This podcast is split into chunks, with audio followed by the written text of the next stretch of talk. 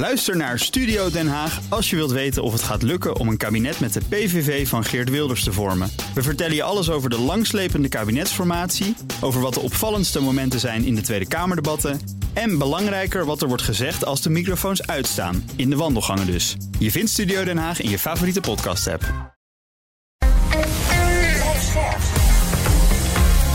BNR Nieuwsradio. BNR breekt.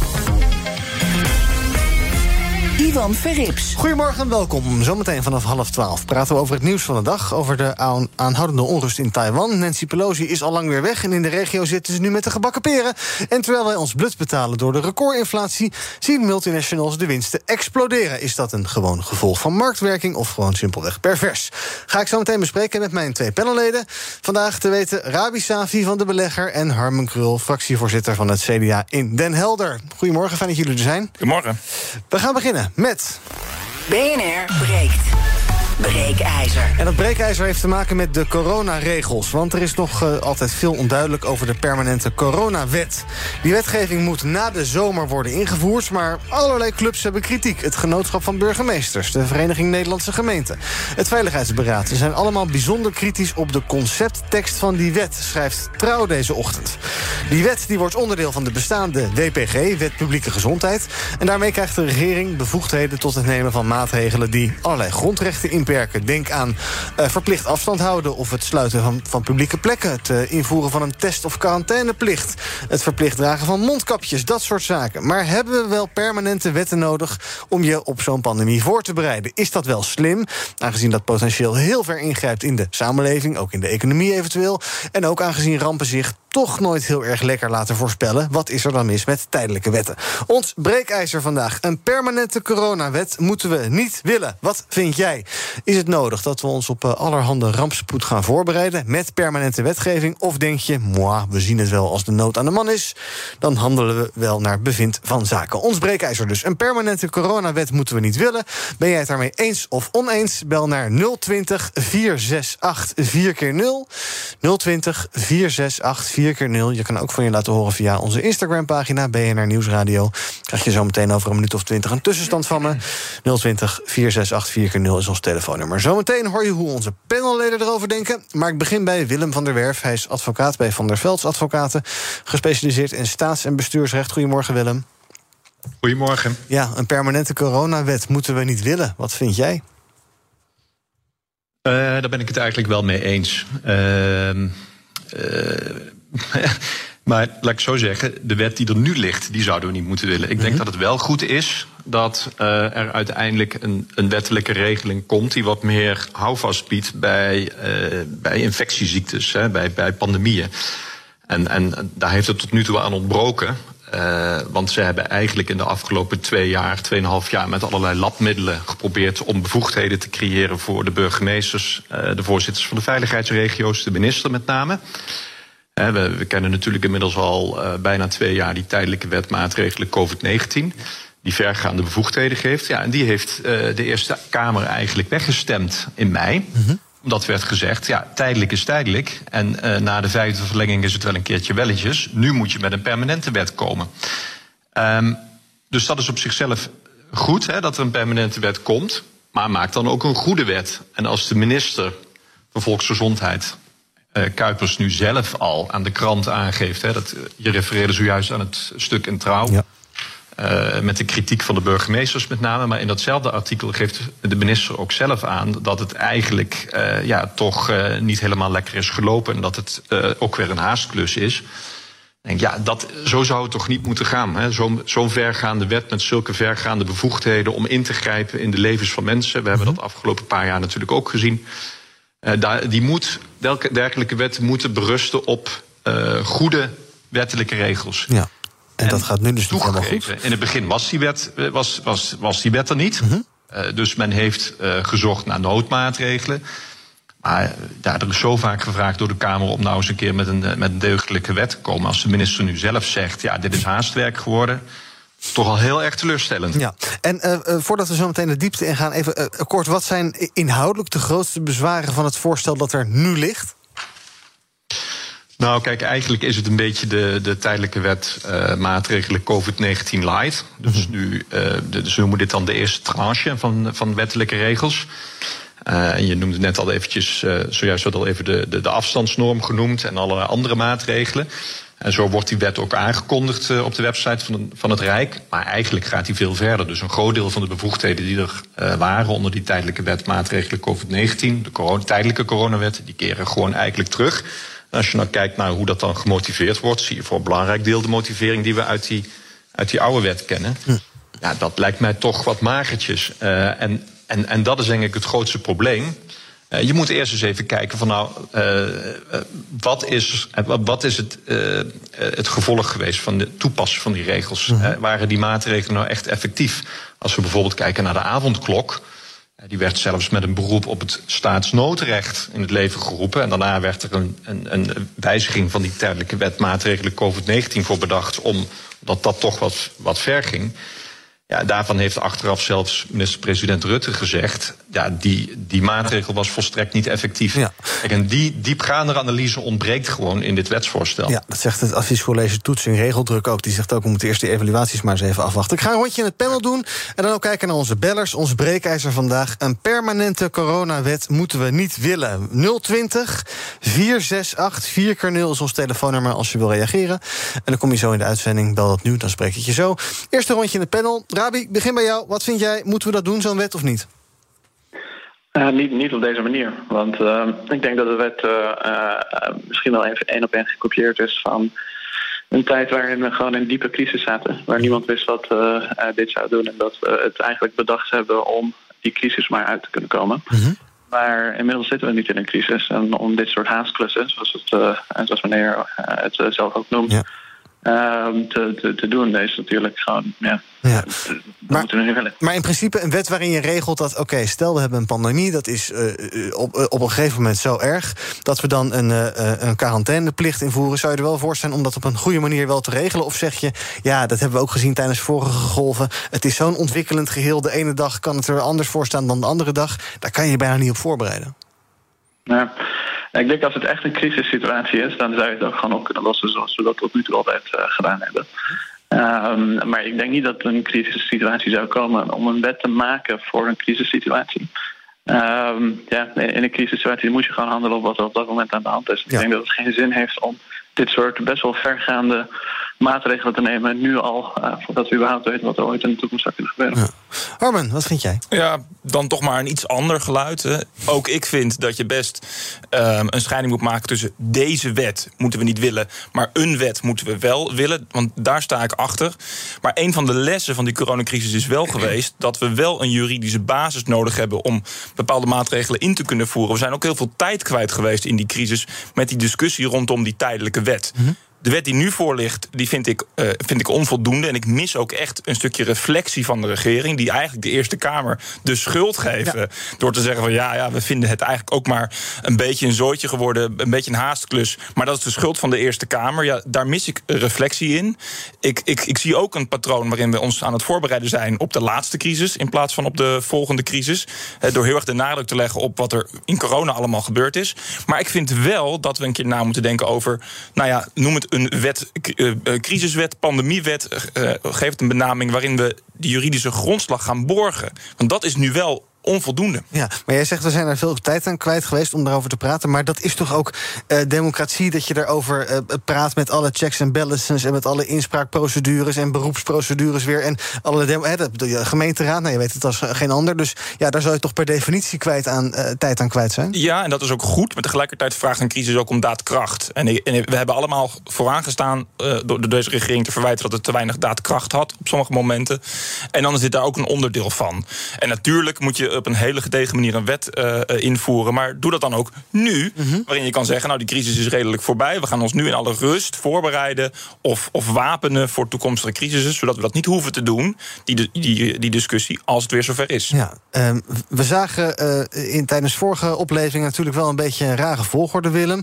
meestal werd het beleid mhm. vastgesteld op een voor het publiek totaal onduidelijke wijze. Ook onduidelijk hoe dat nou democratisch allemaal geborgd was. Dan werd dat meestal gelekt, werd het daarna gepresenteerd... en dan moest het ook nog even langs de Tweede Kamer. Nou, dat was natuurlijk ook een waardeloze manier. Wat, wat is wel ideaal om zoiets te regelen? Uh, ik denk dat je een aantal basisbevoegdheden in die wet moet opnemen. Maar het punt is dat uh, uh, er eigenlijk geen, ja, laat ik zeggen, toelichting wordt gegeven op hoe je kunt voorkomen dat die wettelijke maatregelen moeten worden getroffen. Mm -hmm. Want als we nu kijken naar de afgelopen 2,5 jaar, dan is, en dat met name de, uh, de lockdown van, van eind vorig jaar werd vooral ingegeven door het gebrek aan IC-capaciteit uh, binnen, binnen de ziekenhuizen. Nou, je zou verwachten dat als dan uh, zo'n definitieve coronawet wordt vastgesteld, dat dan met name daar de discussie ook over gaat. Hè, van, is dan, wat zijn de maatregelen die we dan in samenhang met eventueel beperkende maatregelen treffen om ervoor te zorgen dat die IC-capaciteit toeneemt. Dat de zorg niet overbelast raakt. Ja, en daar gaat die wet dus helemaal niet over. Dus die wet publieke gezondheid, die volgens mij bij uitstek geschikt is als wettelijke grondslag om ook daar verder uh, invulling aan te geven, geeft die minister op dat punt eigenlijk geen nieuwe bevoegdheden. En we hebben gezien dat de decentralisatie van het hele zorgstelsel een van de belangrijkste redenen is geweest uh, voor het gebrekkige optreden van, van de minister in de afgelopen 2,5 jaar. Hè. De, ja. Het gebrek aan daadkracht dat hij kon tonen om uh, daadwerkelijk zaken uh, aan te passen. En in, wat we hebben gezien is dat de IC-capaciteit, waarvan je zou verwachten dat die op een niveau zoals in Duitsland wordt gebracht, dat die, die al krap was, mm -hmm. dat die nog veel verder is teruggelopen in de afgelopen periode. Er zijn allemaal, allemaal redenen voor. Maar uh, je zou verwachten dat de minister dan ook zegt: we gaan wel proberen om te voorkomen dat we die maatregelen moeten treffen. Door aan de andere kant enorm te investeren in de zorg. Ja. En dat is denk ik de beleidsinhoudelijke afweging die ik mis in dat wetsvoorstel. Ja, dus wat er geregeld had moeten worden, is dan dus eigenlijk niet geregeld. We gaan even naar onze bellers, kijken hoe zij reageren. Een permanente coronawet moeten we niet willen. 020 468 4 keer 0 als je wil reageren. Arend Jan, goedemorgen. Uh, ja. ja, goedemorgen. Zeg het maar. Ben ik goed te verstaan? Ja hoor. Oké. Okay. Nee, wat mijn stelling was eigenlijk uh, waar het telkens om gaat hier is de, de overbelasting van de zorg tegengaan. Hè? Mm -hmm. uh, natuurlijk in, de, in de maatregelen die er genomen worden. En wat zou dan een beter, niet een betere maatregel zijn dan om mensen die, willen ze weten, nu nog steeds niet gevaccineerd, geboosterd zijn en waar geen medische grond achter zit, waarom ze zich niet hebben laten vaccineren, om die dan een, een eigen bijdrage of een vergoeding of een premieverhoging door te berekenen, zodat ja, de, de vaccinatiegraad uh, nogmaals nog, nog een keer omhoog gaat. Ja. Zodat misschien maatregelen niet eens nodig zijn. Ja. Maar ja, we hebben het inmiddels ook al geloof ik besproken dat we dat toch niet willen dat we verplichte vaccinaties en dergelijke gaan opleggen, toch? Nou, dat is geen verplichting. Uh -huh. het is alleen, je voelt het alleen in je portemonnee dan. Ja. Dus je wordt negatief benadeeld als je het niet doet. Uh, ja, dus, ja. dus betaal maar voor je behandeling ja. dan. Als, als je dus, uh, ja, je hebt een medische verklaring nodig van een arts. -huh. waarom jij niet gevaccineerd kan worden. Heb je die niet, ja, dan is het dus eigen risico. En dan zal je, naar mijn mening, ervoor moeten betalen voor je behandeling in het ziekenhuis. Ik ga het even voorleggen aan mijn panel, Aad-Jan. Dank voor het bellen. Diederik, goedemorgen. Ja, goedemorgen. Zeg het uh, nou, het is natuurlijk altijd, ik hoor het ook in de uitzending terug, belangrijk om te kijken naar het verleden. Uh, interessant is van die wetgeving bijvoorbeeld dat Ernst Kuipers, die zei net na de avondklok dat het ding niet werkte. -hmm. Dus die kunnen sowieso uit de wetgeving halen. Ja. Uh, mondkapjes zeiden dus bij de invoering ervan dat ze inderdaad niet werkten, maar dat het een psychologisch experiment was. Want als mensen een ding op zouden zetten, dan zouden ze zien dat het heel ernstig was.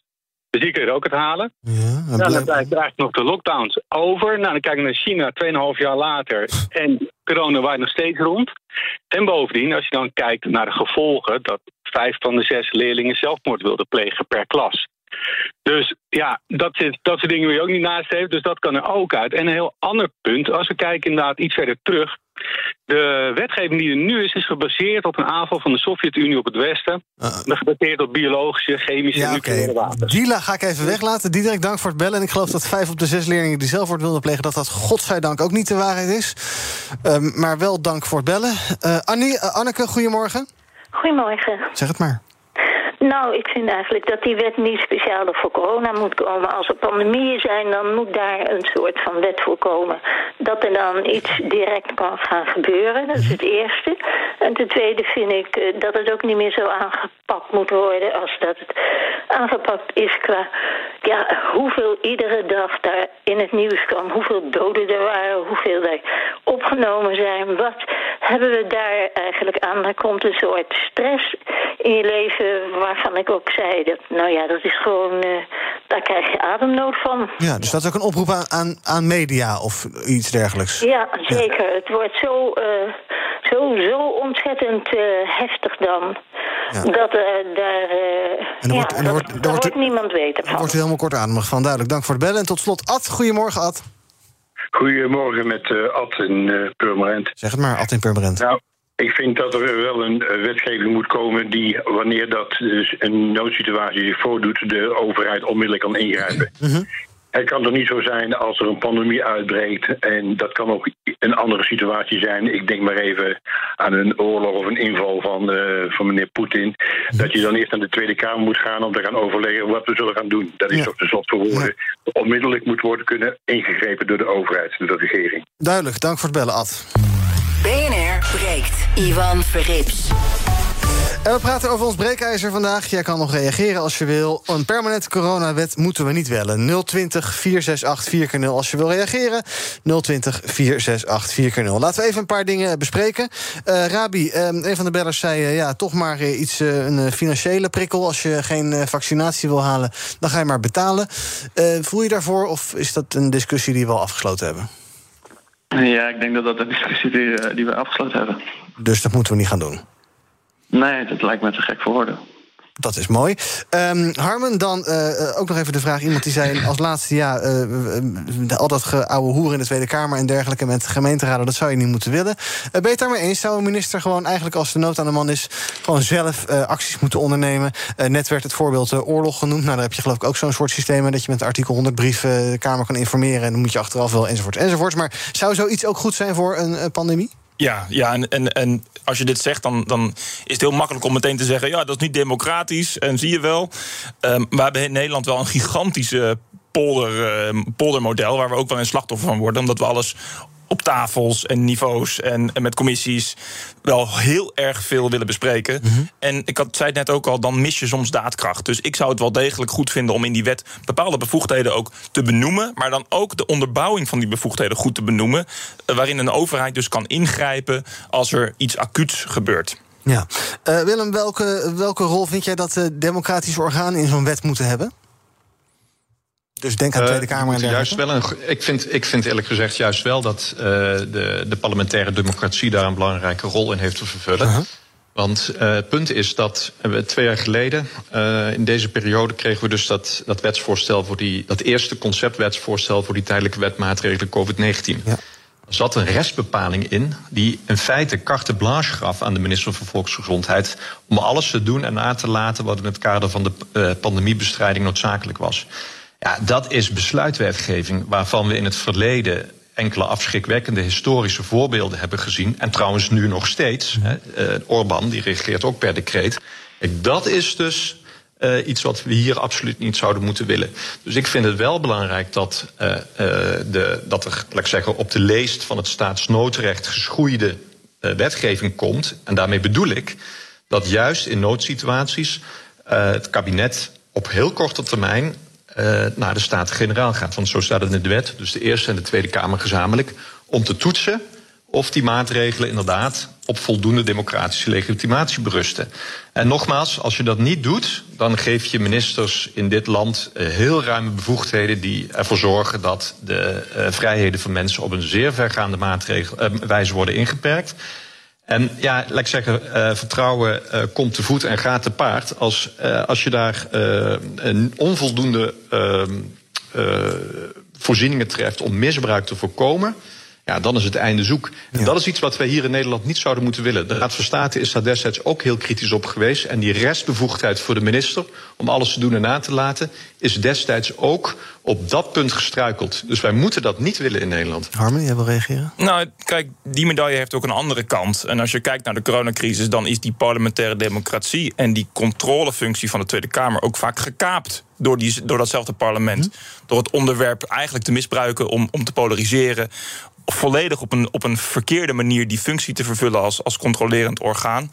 En dat heeft de crisisbestrijding absoluut niet ten goede gekomen. Dus ik zeg niet dat je die, die, die controlerende functie van die Kamer eh, aan de kant moet schuiven. Ik zeg alleen dat je, dat je het op zo'n manier moet inrichten dat je wel daadkrachtig blijft. Ehm, want het is helaas niet zo dat het altijd even, nou, even zuiver gegaan is in, die, in, in dat parlement. Veel afleiding, veel uh, spielerij. Of wat ja, je ik kan me nog wel debatten herinneren waarin gevraagd werd naar, naar de kleur van. Of, of, of er wel of niet een logootje op de vrachtwagens zat die Oh, dan rond zou rijden door Nederland. details, ja. Tuurlijk. En, en dan ben je ook niet meer bezig met je, met je controlerende taak. Dus ik, ik zoek daarin een balans. Ehm, en ik hoop dat we dat in een uiteindelijke wet, uiteindelijk een, een, een- een definitieve wet kunnen, kunnen vinden. Kees, goedemorgen. Ah, maar, oh. Kees, Goedemorgen. zeg het maar. Ja, ik eh, ben het eens met eh, de spreker. Alleen, eh, het zou geen pandemiewet moeten zijn, maar een algemene, algemene wet. Voor, nood, Dus eh, voor, geen coronawet, maar een algemene wet. ja, voor noodsituaties. Of wel voor pandemieën. Gewoon voor algehele pandemieën en infectieziektes eh, in geheel. Ja, oh, pas maar op, dat er gaan a- apenpokken nog eronder vallen. Pieter Nel, goedemorgen. Ja, goedemorgen. Hallo, zeg het maar. Ik ben het inderdaad eens met de controlerende functie van de Raad van State. Eh, het moet goed dichtgetimmerd zijn. ehm, en er moet controle op plaatsvinden. En een hele hoop ruimte worden gegeven aan eh, de vrije keus van mensen. Maar die vrije keus, daar hangt dan wel een prijskaartje aan. Namelijk? Ehm, nou ja, ik ben ook voorstander van het systeem, eh, hoewel ik zelf ook rook, maar van het systeem in Zweden. Dat eh, je één keer wordt geholpen, zeg maar, als je, ehm, als je eh, iets aan je longen krijgt. Ja. Maar vervolgens, ehm, als je er niks aan doet, dan moet je dus zelf voor de consequenties dragen. Ja, en, en, dat, Dus dan en die vergelijking kan je ook met vaccinaties trekken. Ja, ja. Duidelijk, wel, als er een alternatief is om je te laten vaccineren en je Mhm. doet dat willens wetens niet, vind ik prima. Maar dan hoeft dus niet de maatschappij daarvoor op te draaien. Net zoals met polio en, ehm, en hele streng gelovige eh, gemeenschappen. Ja, duidelijk. Pieter Nel, dank voor het bellen. Eh, Rabi, tot slot. eh, we gaan, nou, dit wetsvoorstel kunnen we wel gewoon verscheuren... want dat gaat toch niet worden, zo.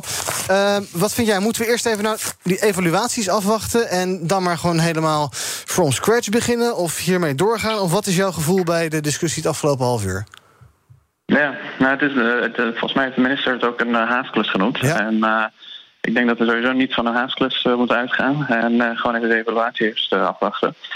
Ehm, en dan daarna zien. Ja, oké. Is dat ook jouw indruk, Willem? Eh, dit maar even helemaal opnieuw gaan beginnen. Ook al is het eh, bijna september en wordt altijd gevreesd voor ja, corona-opleving, september enzovoorts. Maar toch maar eventjes, eh, ja, eh, inhoud voor snelheid.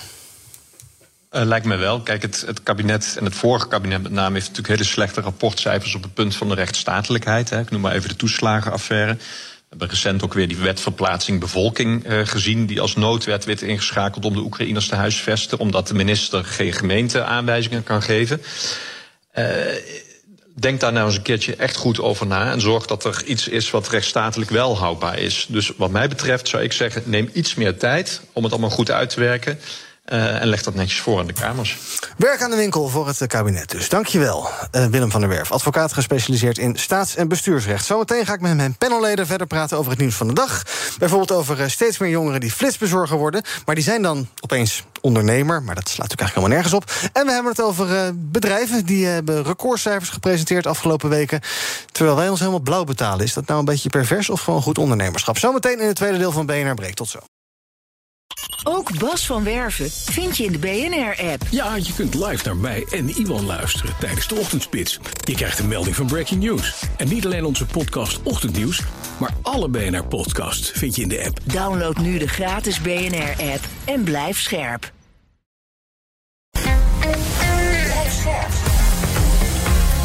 BNR Nieuwsradio. BNR breekt. Ivan Verrips. Welkom terug bij BNR Breekt. In mijn panel vandaag Rabi Safi. Hij is van eh, platform De Belegger. Je kan hem vinden op eh, nou ja, YouTube, Instagram, zoek maar eventjes. En Harme Krul, fractievoorzitter van het CDA in Den Helder... en in dagelijks leven ook werkzaam bij de Koninklijke Marine.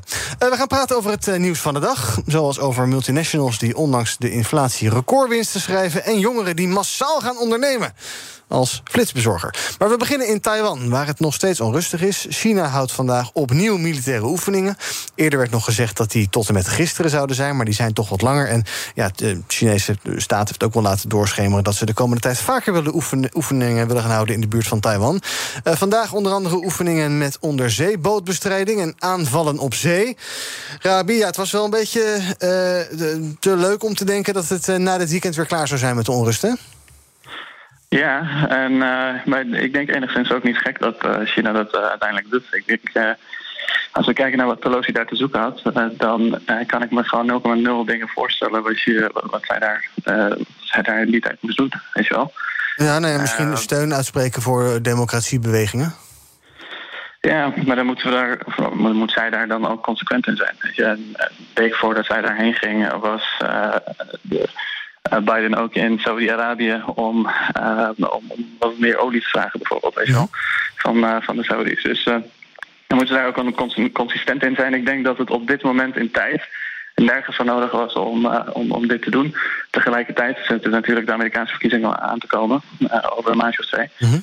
Uh, dus het zou ook daarmee te maken kunnen hebben. Maar uh, China geeft hier een heel duidelijk grens mee aan. Ja. En uh, dat hebben we denk ik ook gewoon te respecteren. Ja. deze oefeningen zijn nou, dus nog steeds de nasleep van dat bezoek vorige week. Ehm, Harman, hebben we daar denk je misschien iets te licht over gedacht? Iedereen zei van ja, nou ja, zij gaat erheen. China zal wel boos worden, maar dat duurt dan eventjes en dan is het weer klaar. Nou, nu is zij weer weg. Ik weet eigenlijk niet of ze al weg is uit, uit, uit Azië, maar goed, ze is weer weg uit Taiwan een tijdje.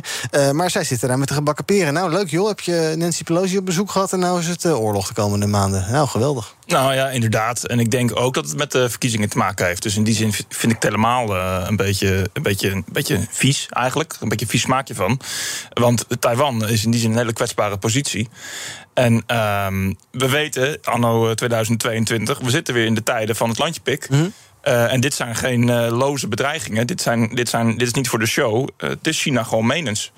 En uh, in die zin denk ik dat het een hele verkeerde keuze was van, uh, van Pelosi om deze reis, uh, reis te maken. Ja, zeker nadat ze al die waarschuwingen had gehad van links en rechts: van doe het nou niet. Aan de andere kant, je had ook kunnen zeggen: als ze het niet had gedaan, dan had ze gebogen voor ja, allerlei ja, dreigingen en dergelijke. Dat moet je ook niet doen. Dus ja.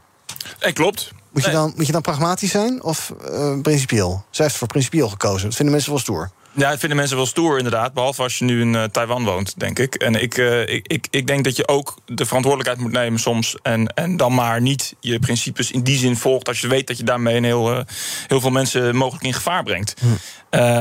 Nederland doet het ook niet. Hè. Wij hebben ook gekozen om, omdat we graag handelen met China. Henk Krol was naar Taiwan geweest, toch? oh, Henk Krol was ja, naar Taiwan maar ja, geweest. Dat is geen bedreiging natuurlijk. Nee, wij doen het ook niet. En dat hebben we ook een reden natuurlijk. Ja.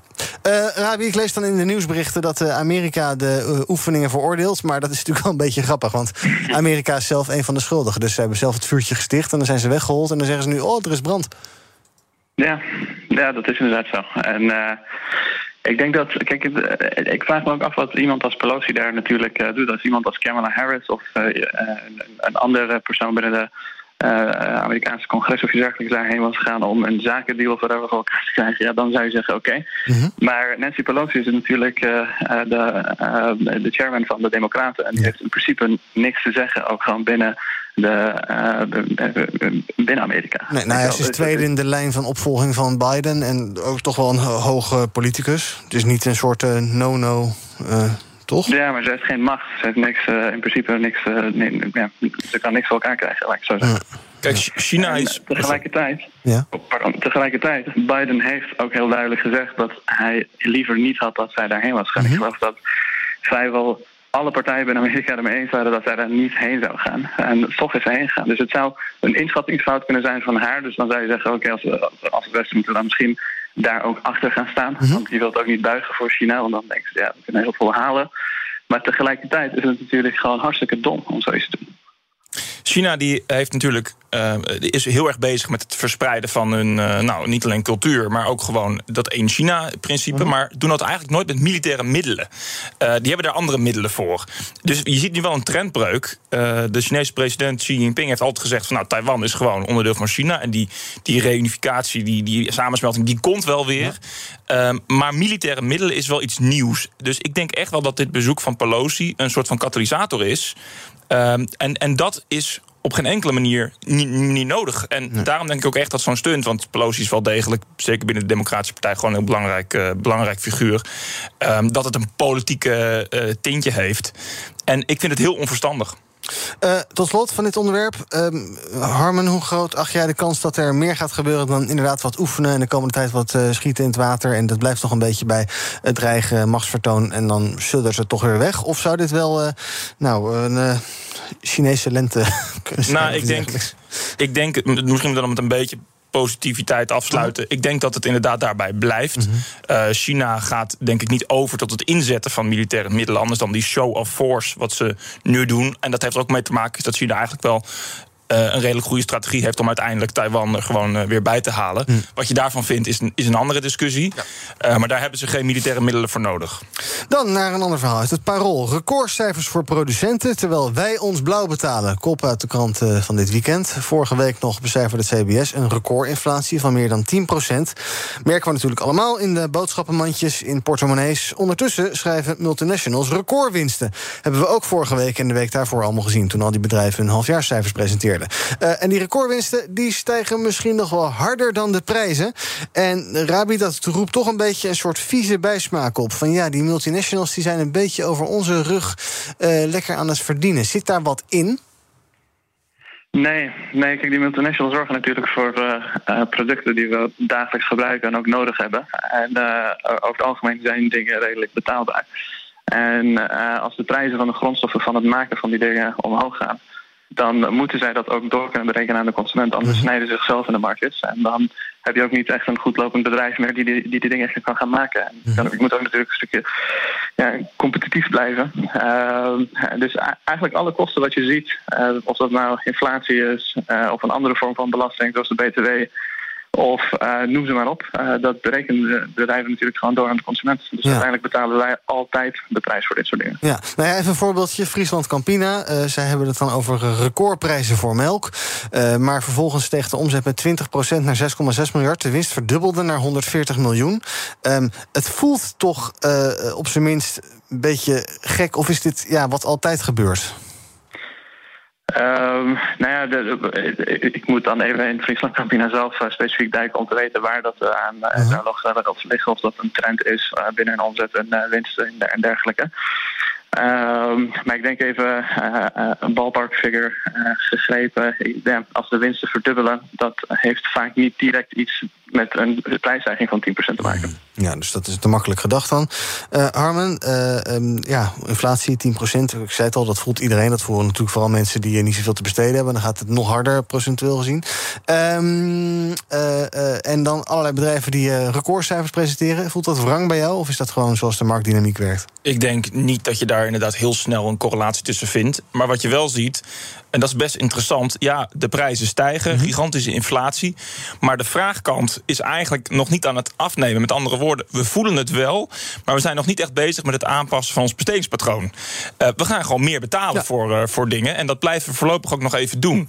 Um, en, en dat is wel opvallend. Want als het die inflatie langer doortrekt, ja, dan zul je veel grotere groepen mensen uh, treffen die dat niet meer kunnen. En dan zul je ook zien dat die winsten van heel veel sectoren wel wat gaan dalen. Omdat dan de vraag afneemt. Ja.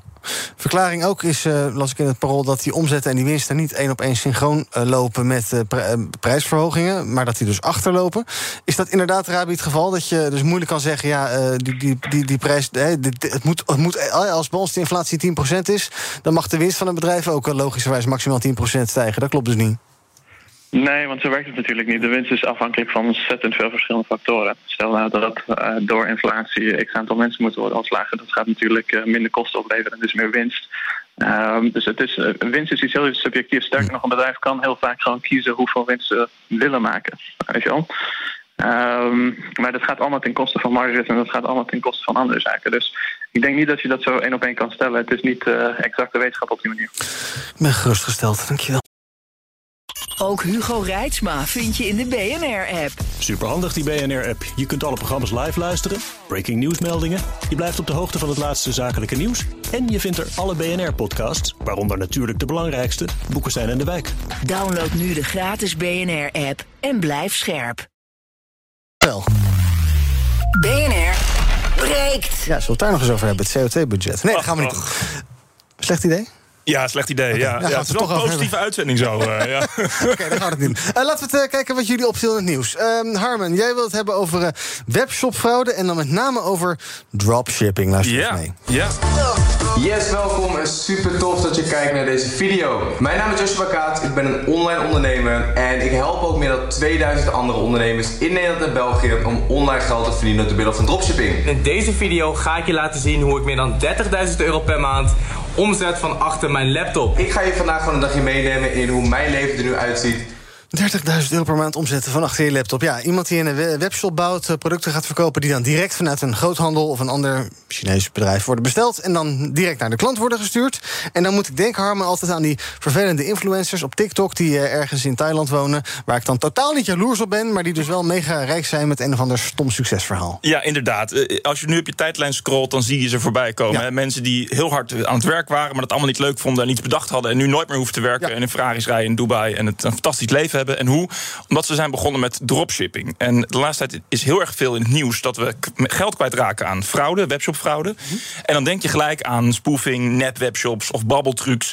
Maar dat hele dropshippen is eigenlijk een veel subtielere manier van een soort van piramidescheme. Ja. Uh, want wat gebeurt er hier? Uh, je bouwt een mooi webshopje, je geeft het een leuke naam. Wat je heel vaak ziet zijn van die producten om bijvoorbeeld je rug mee te stretchen. Hè? Wonder Stretch, geef het een naam. Gebruik je die? Uh, nee, ik gebruik het niet. Je kan ze ook op, op, op, op Wish of zo'n zo'n Chinese website kopen. Ja. Dan wordt het heel leuk aangekleed, mooie webshop. En dan ga je dat verkopen voor veel te veel geld. En het wordt dan direct vanuit China geleverd naar de klant. En jij wordt hartstikke rijk. Uh, maar ja, niks is zo mooi als het lijkt. En ook dit niet. Mhm. Uh, want we zien nu, dit wordt echt uh, de trend van de komende tijd als het gaat om dropshippen. Dat op de leveringen achterblijven. En dan ben je wel als jonge, hippe ondernemer ineens hartstikke aansprakelijk. Um, en mensen krijgen hun geld niet uh, en, en er lopen ontzettend veel uh, nou, klachten. Ja. Uh, bij thuiswinkel.org bijvoorbeeld. En ik wil eigenlijk even waarschuwen voor dat hele dropship-concept. Want als je iets ziet wat te mooi is om waar te zijn, dan is het ook vaak te mooi om waar ja. te zijn. En internetfraude is niet altijd een babbeltruc of echt iets, iets neps. Maar het kan soms ook een soort van echtheid uh, hebben. En dat is dat dropshippen. Er is niet zoiets als snel rijk worden achter je laptop. Want ik heb uh, binnen een dag weer 8000 euro verdiend met dropshippen. Mhm. Het gaat heel vaak mis. Um, als je één product dropshipt, wat dat zie je vaak, we hebben één product supergoed, ja. kan het best lang goed gaan. Maar op het moment dat die leverancier dat product niet levert, ja, dan kan je helemaal niks. En als jij beweert dat je bijvoorbeeld duizend of 15.000 producten aan het dropshippen bent, en je hebt een mooie foto van een magazijn wat niet van jou is, en die leveringen komen niet, dan ben je hartstikke aansprakelijk. Dus mensen, pas op als je dit soort filmpjes ziet. Het is helaas te mooi om waar te zijn. Ja, en uh, waarschuw jij nou vooral uh, jongeren die in de val lopen dat ze dit ondernemersmodel tussen haakjes aan willen gaan uh, uh, hangen... of ook particulieren die denken, ik uh, koop bij zo'n shop? Allebei, allebei, ja. Gezegd is altijd uh, shit rolls downhill. -huh. Sorry. Uh, het is zowel een risico voor de jonge mensen die dan filmpjes zien en denken van hé, hey, dat werkt, ik krijg ook helemaal niks. Ik ga lekker heel veel geld verdienen en ik begin zo'n webshop. Maar het is ook een risico voor de klant die denkt een prachtig product te zien, uh, op een webshop iets koopt wat er goed uit lijkt te zien en vervolgens nooit een product krijgt. Dus lees heel goed de reviews. Niet altijd van de website zelf, want dat kan je tegenwoordig ook heel erg goed omzeilen. Uh, maar ga gewoon even googlen en, uh, en pas een beetje op. Ja, Rabi, gevaarlijk gedoe dat dropshippen en ver weg van blijven? Uh, ik, ik, ik, ik heb er een beetje een dubbel mening over, denk ik. Uh, ik, ik, ken namelijk ondernemers, twee hele jonge mensen die via dropshipping best wel veel geld uiteindelijk hebben kunnen verdiend, ja. verdienen. Uh, die heb ik ook een stukje gecoacht. Want die hadden opeens met klantenservice en van alles en nog wat te maken. En ze hadden geen idee wat ze nou eigenlijk aan het doen waren. Terwijl die, dat, dat bedrijfje gewoon van de, van de grond uh, afkwam. Uh, aan de andere kant kan ik me ook heel goed voorstellen. Er zijn op dit moment denk ik tientallen duizenden jongeren die dit soort dropship cursussen volgen. Ja. Niet iedereen zal succesvol zijn. En daar, daar moet je ook gewoon van uitgaan als je met, met zoiets begint, denk ik. Dat is ook een stukje ondernemerschap. maar op welke manier zouden ze, zouden ze kunnen beschermen, denk je? Nou, zeg het maar. Nou, kijk, het, het, feit dat er überhaupt dropship coaches zijn, dat vind ik al. Oh ja, eh, wacht, even meeluisteren. De Dropship Academy, komt-ie. We beginnen Dropship Academy live. We zitten hier backstage met, eh, met Jaap en Mike. en het wordt super vet. er staat een hele lange rij. Er komen 250 serieuze ondernemers. Dus eh, ik kan niet wachten tot we echt gaan beginnen. Serieus ondernemers, Nou, Harmen. dit- dit- Nee, dan moet je niet niet- lachen. Nee, nee, nee. Dit zijn niet de coaches die ik bedoel. Hè? Ik bedoel, ik ben, ja, inderdaad, ja, ja, Ja. ja. ik ben loonslaaf. Ja. Nee, ik bedoel coaches die, eh, nou, noem het eh, financieel adviseurs of van misschien wel van eh, fin- financierders of Mhm. iemand zoals als Rabi, maar niet zo iemand die ook nog eens extra geld probeert te verdienen door pakketten te verkopen. Dat zijn niet de coaches die ik bedoel, maar coaches die echt deze jonge ondernemers, vaak jonge ondernemers, wijzen op de risico's van dropshippen, de aansprakelijkheid die je wel degelijk hebt op het moment dat jij beweert dat je iets direct kan leveren naar een klant. Niet alle klanten pikken het als ze hun spulletjes Mhm. niet krijgen. Nee, echt serieus coachen zou een van de dingen moeten zijn die, die ik denk dat heel goed zou zijn voor dit soort eh, jonge, jonge ondernemers. Maar het kan dus wel goed gaan, toch, Rabi? Het is niet allemaal... eh, want want de, de, de, de succesverhalen van de Dubai-influencers... en de auto's en dergelijke... zijn dat, zijn dat echte verhalen of is dat een soort eh, fake, fake opgezet verhaal, Rabi? Nou, ik denk, weet je, de, de, de cursusverkopers, eh, de, de Joshua Kaats bijvoorbeeld, eh, werd volgens mij genoemd eh, eventjes geleden. Ik denk dat dat mensen zijn die eh, gewoon veel te veel geld verdienen aan het verkopen van die cursussen. Ik denk een heel groot gedeelte van de mensen die gaan dropshippen, die gaan gewoon niet succesvol zijn. En de, de reden dat deze twee eh, wel succesvol waren, is omdat ze gewoon heel goed en heel slim met online marketing eh, omgaan. Want uiteindelijk als dropshipping, ja, als je laten we zeggen rugsteuntjes verkoopt, eh, daar concurreer je tegen tig duizend andere rugsteunverkopen websites. En hoe onderscheid je jezelf? En de beste marketeers, die zullen uiteindelijk eh, eh, succesvol zijn. En die twee hebben geen cursus gevolgd, eh, niet bij Joshua Kaats en niet bij iemand anders. Goed, eh, nou, eh, trap er niet in, zou ik bijna zeggen. Gezien eh, populair politicus. Oké, we gaan even kijken wat er trending is op de socials. Nou, eh, hashtag coronawet. Op dit moment hebben we al het eerste half uur gesproken. Eh, zoals eh, meestal op maandag hashtag zomergastentrending. Gisteren was dat met journalist Dirk Sauer. Bijna 700.000 kijkers. Beste van het seizoen tot nu toe. Ging natuurlijk veel over Rusland en de oorlog. En jij, ben je vrienden kwijtgeraakt? Ja, zeker. In mijn, in mijn directe kennissenkring is het wel is het meer van... trap ik heel veel Russen op. Die zeggen, ja, nee, natuurlijk, het is fout, die, die invasie. Maar... En dan komt de riedel van, ja, die Oekraïners, die deugen ook niet. En waarom eh, eh, eh, zijn ze, sluiten ze geen compromis? Waarom geven ze niet een stukje Oekraïne weg? En dan kan het stoppen. En, weet je wel, allemaal maar. En dat maar bestaat niet. Voor mij. En ook trending Farmers Defence Force. Boeren. Voorlopig blijven de ergste protesten ooit nog uit. Chemtrails is trending. Je weet wel, die vliegtuigsporen waar allemaal complottheorieën over zijn. En ook hashtag Pride Amsterdam is trending. Kwam gisteren na een week tot zijn einde. Zou dat eh, met elkaar te maken hebben, chemtrails en Pride Amsterdam? Nou, ik weet het niet. Ehm, trouwens, eh, ieder- nog gevierd, eh, Harmen? Want ik zag dat jou eh, de hoogste baas, de hoogste militair in Nederland... stond voor het eerst op een boot. Ja, klopt. En dat is ook hartstikke goed. Ik heb het zelf niet gevierd, Mhm. want ik had helaas andere dingen. Maar anders had ik er wel, wel degelijk bij geweest. En ik vind het ook goed bij Defensie dat hier steeds meer aandacht voor is. Ook veel kritiek op eh, ja, we hebben bedrijven, Booking.com en zo, en Heineken, KPN, Google die ook mee varen en allemaal hun logo er lekker opplakken. Rabi, vind je dat terecht? Is het, eh, is het pinkwashing? Die bedrijven betalen ook een flink deel van de rekening van die hele Pride. Ja, het is natuurlijk een stukje marketing PR. Ik bedoel, als je, volgens mij was heeft iemand de vergelijking wel eens gemaakt tussen, eh, ik weet niet meer welke, volgens mij was het eh, Heineken. Ja. Heineken in, eh, op Twitter. Als je Heineken eh, Saudi-Arabië intikt en Heineken Nederland, dan zie je een, een, een gay pride vlak bij Nederland en dit zie je niet bij in Saudi-Arabië. Weet je, dus dit, soort, eh, dit soort zaken, dit zijn natuurlijk geen PR- en PR-campagnes. Dit is natuurlijk. Als je zoiets vindt als bedrijf en je gaat erachter staan, dan moet je er ook pal achter staan in elk land waar je, waar je zit. Niet ehm, eh, de, de ene land laten zien dat je erachter staat en de andere land zegt ja, nee, daar nemen we afstand van. Ja, dus daar moet je wel consequent over zijn. Ik denk niet dat Heineken vooraan loopt eh, inderdaad bij de Saudi-Arabië Canal Parade. Aangezien ze daar ook geen kanaal hebben, dat schiet ook wel op. Eh, tot slot van deze uitzending. Het aantal jongeren dat zelfstandig werkt voor platformbedrijven... is in een jaar tijd met bijna 30% gestegen. Vorige maand stonden meer dan 9500 van deze ondernemers... ingeschreven bij de Kamer van Koophandel. 2000 meer dan vorig jaar. En in die categorie platformbedrijven was de stijging 181 procent. En dat zou bijna volledig bestaan uit jongeren... die dus zijn gaan werken voor flits- en of maaltijdbezorgdiensten. En de vraag is dan, Harmen, zijn dit echte ondernemers? Of is dit, eh, ja, hoort dit eigenlijk niet thuis bij de Kamer van Koophandel... en moeten we hier iets anders voor bedenken... en slaat het nergens op dat deze jongeren zich in moeten schrijven... bij de KVK met alle gevolgen van dien? Ja, dit, dit nou, inderdaad, dat laatste. Dat laatste. Ja. We moeten hier echt heel snel vanaf. Niet alleen flitsbezorgers en het concept zelf, wat eigenlijk eh, in een. Rijden ze in een helder? Nee, ze rijden gelukkig, zeg ik, niet in Den Helder. Echt piek, piek kapitalisme zou ik bijna willen zeggen. Ehm, maar het is natuurlijk een truc, hè, om deze jongeren van heel erg veel rechten te, nou, rechten te ontnemen... die je als, als je loondienst bent wel zou, eh, zou hebben. Ik denk echt dat we hier weer achter de markt aanlopen... en heel gauw eh, op moeten reguleren. Wat denk jij, Rabi? Eh, is die hele route via de Kamer van Koophandel totaal onmenselijk? Nee, kijk, ik denk dat het geen truc is om, eh, om, om, om jongeren van, van bepaalde rechten af te helpen. Eh, ik denk dat het een voorwaarde is die die bedrijven stellen als je daar wil werken. En we leven eenmaal in een vrije markt eh, uiteindelijk. En die jongeren die zijn nooit gedwongen om dat te gaan doen. Ze kunnen ook bezorgen. Er zijn tientallen andere baantjes die je zou kunnen doen. Zoals bijvoorbeeld in de horeca werken waar ontzettend grote personeelstekorten zijn. Maar die, bepalen, die willen zelf hun eigen tijden bepalen. En dat kan bij zo'n maaltijdbezorger. En eh, als ze dat als ZZP'er moeten doen, omdat dat de voorwaarde is. Want die bedrijven kunnen dan bijvoorbeeld niet goed opereren op een afschaal als dat nodig is. Eh, om het even in markttermen te zeggen. Ja, ja, ja ik, ik vind het geen, eh, geen gek gedachte dat het op deze manier gaat en niemand wordt gedwongen. Maar dat is wel piekapitalisme. Vind ik wel, ja. En, en natuurlijk, het is makkelijk om te zeggen... het is een keuze van, zo'n, eh, van de jongeren zelf, dat klopt. Maar zijn ze goed op de hoogte van alle nadelen... die je ook hebt als flitsbezorger? Denk aan pensioenopbouw. Iets Ja. waar jongeren überhaupt nooit over nadenken. Ik denk dat we... Belastingafdracht, dat soort dingen. Ja, eh, de arbeidsinspectie Heb jij- heeft... heb jij, Rabi, heel kort toch, piekapitalisme?